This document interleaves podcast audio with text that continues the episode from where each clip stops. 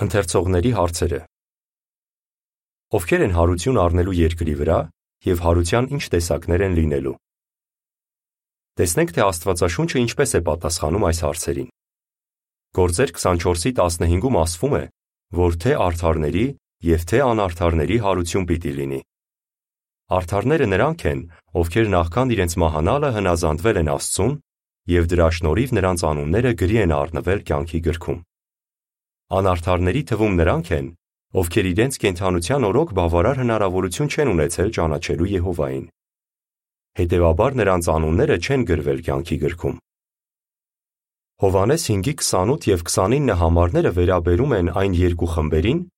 որոնց մասին նշված է Գործեր 24-ի 15-ում։ Հիսուսն ասաց, որ նրանք, ովքեր բարի գործեր են արել, կստանան կյանքի հարություն, իսկ նրանք, ովքեր չար գործեր են արել, դատաստանի հարություն։ Արթարները նախքան մահանալը բարի գործեր են արել։ Նրանք կստանան կյանքի հարություն, քանի որ նրանց անունները դեռ գրված կլինեն կյանքի գրքում։ Իսկ անարթարները նախքան մահանալը չար գործեր են արել։ Դրա համար կստանան դատաստանի հարություն։ Նրանց անունները դեռևս գրված չեն կյանքի գրքում։ Նրանք դատաստանի կենթարկվեն այն իմաստով, որ կանցնեն փորձաշրջան։ Այդ ընթացքում նրանց հնարավորություն կտրվի սովորելու Եհովայի մասին եւ ապրելու այնպես, որ իրենց անունները գրվեն կյանքի գրքում։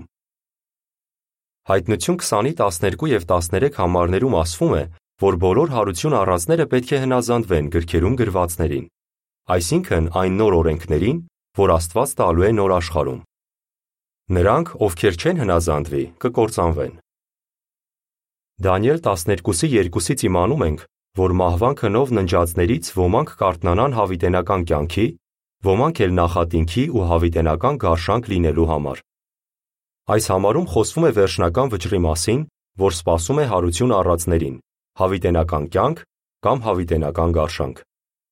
Պաստորեն 1000 տարվա վերջում ոմանք կստանան հավիտենական կյանք, իսկ ոմանք վերջնականապես կկործանվեն։ Պատկերացնենք օրինակով։ Հարություն առած երկու խմբերի իրավիճակը կարելի է համեմատել այն մարդկանց իրավիճակի հետ, ովքեր ցանկանում են ապրել օտար երկրում։ Արդարները նման են այն մարդկանց, ովքեր ստանում են աշխատանքային կամ կացության վիզա, ինչը նրանց որոշակի իրավունքներ եւ արտոնություններ է տալիս։ Իսկ անարդարները նման են նրանց, ովքեր ստանում են կարճաժամկետ կամ այցելության վիզա։ Որ เป զի նրանց թույլ տրվի մնալ այդ երկրում, նրանք պետք է համապատասխանեն որոշ պահանջների։ Նմանապես հարություն առած անարդարները պետք է հնազանդվեն Եհովայի տված օրենքներին եւ փաստեն, որ արդար են, որպեսզի նրանց թույլ տրվի ապրել նոր աշխարհում։ Եվ անկախ նրանից, թե օտարերկրացիները տվյալ երկիր մուտք գործելու համար ինչ վիզա են ստացել, ի վերջո նրանցից ոմանք գուցե ստանան քաղաքացիություն, իսկ ոմանք արտաքսվեն։ Վերջնական արդյունքը կախված է նրանից, թե ինչպիսի վարկ կդրսևորեն նրանք այդ նոր երկրում։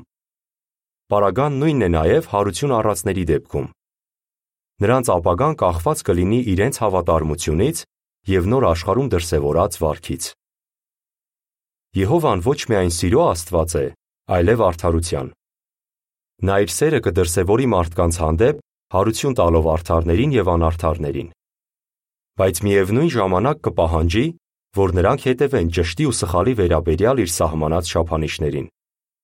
Եհովան թույլ կտա ապրել նոր աշխարհում միայն նրանց, ովքեր կսիրեն իրեն եւ կապրեն իր չափանիշների համաձայն։ Հոդվացի ավարտ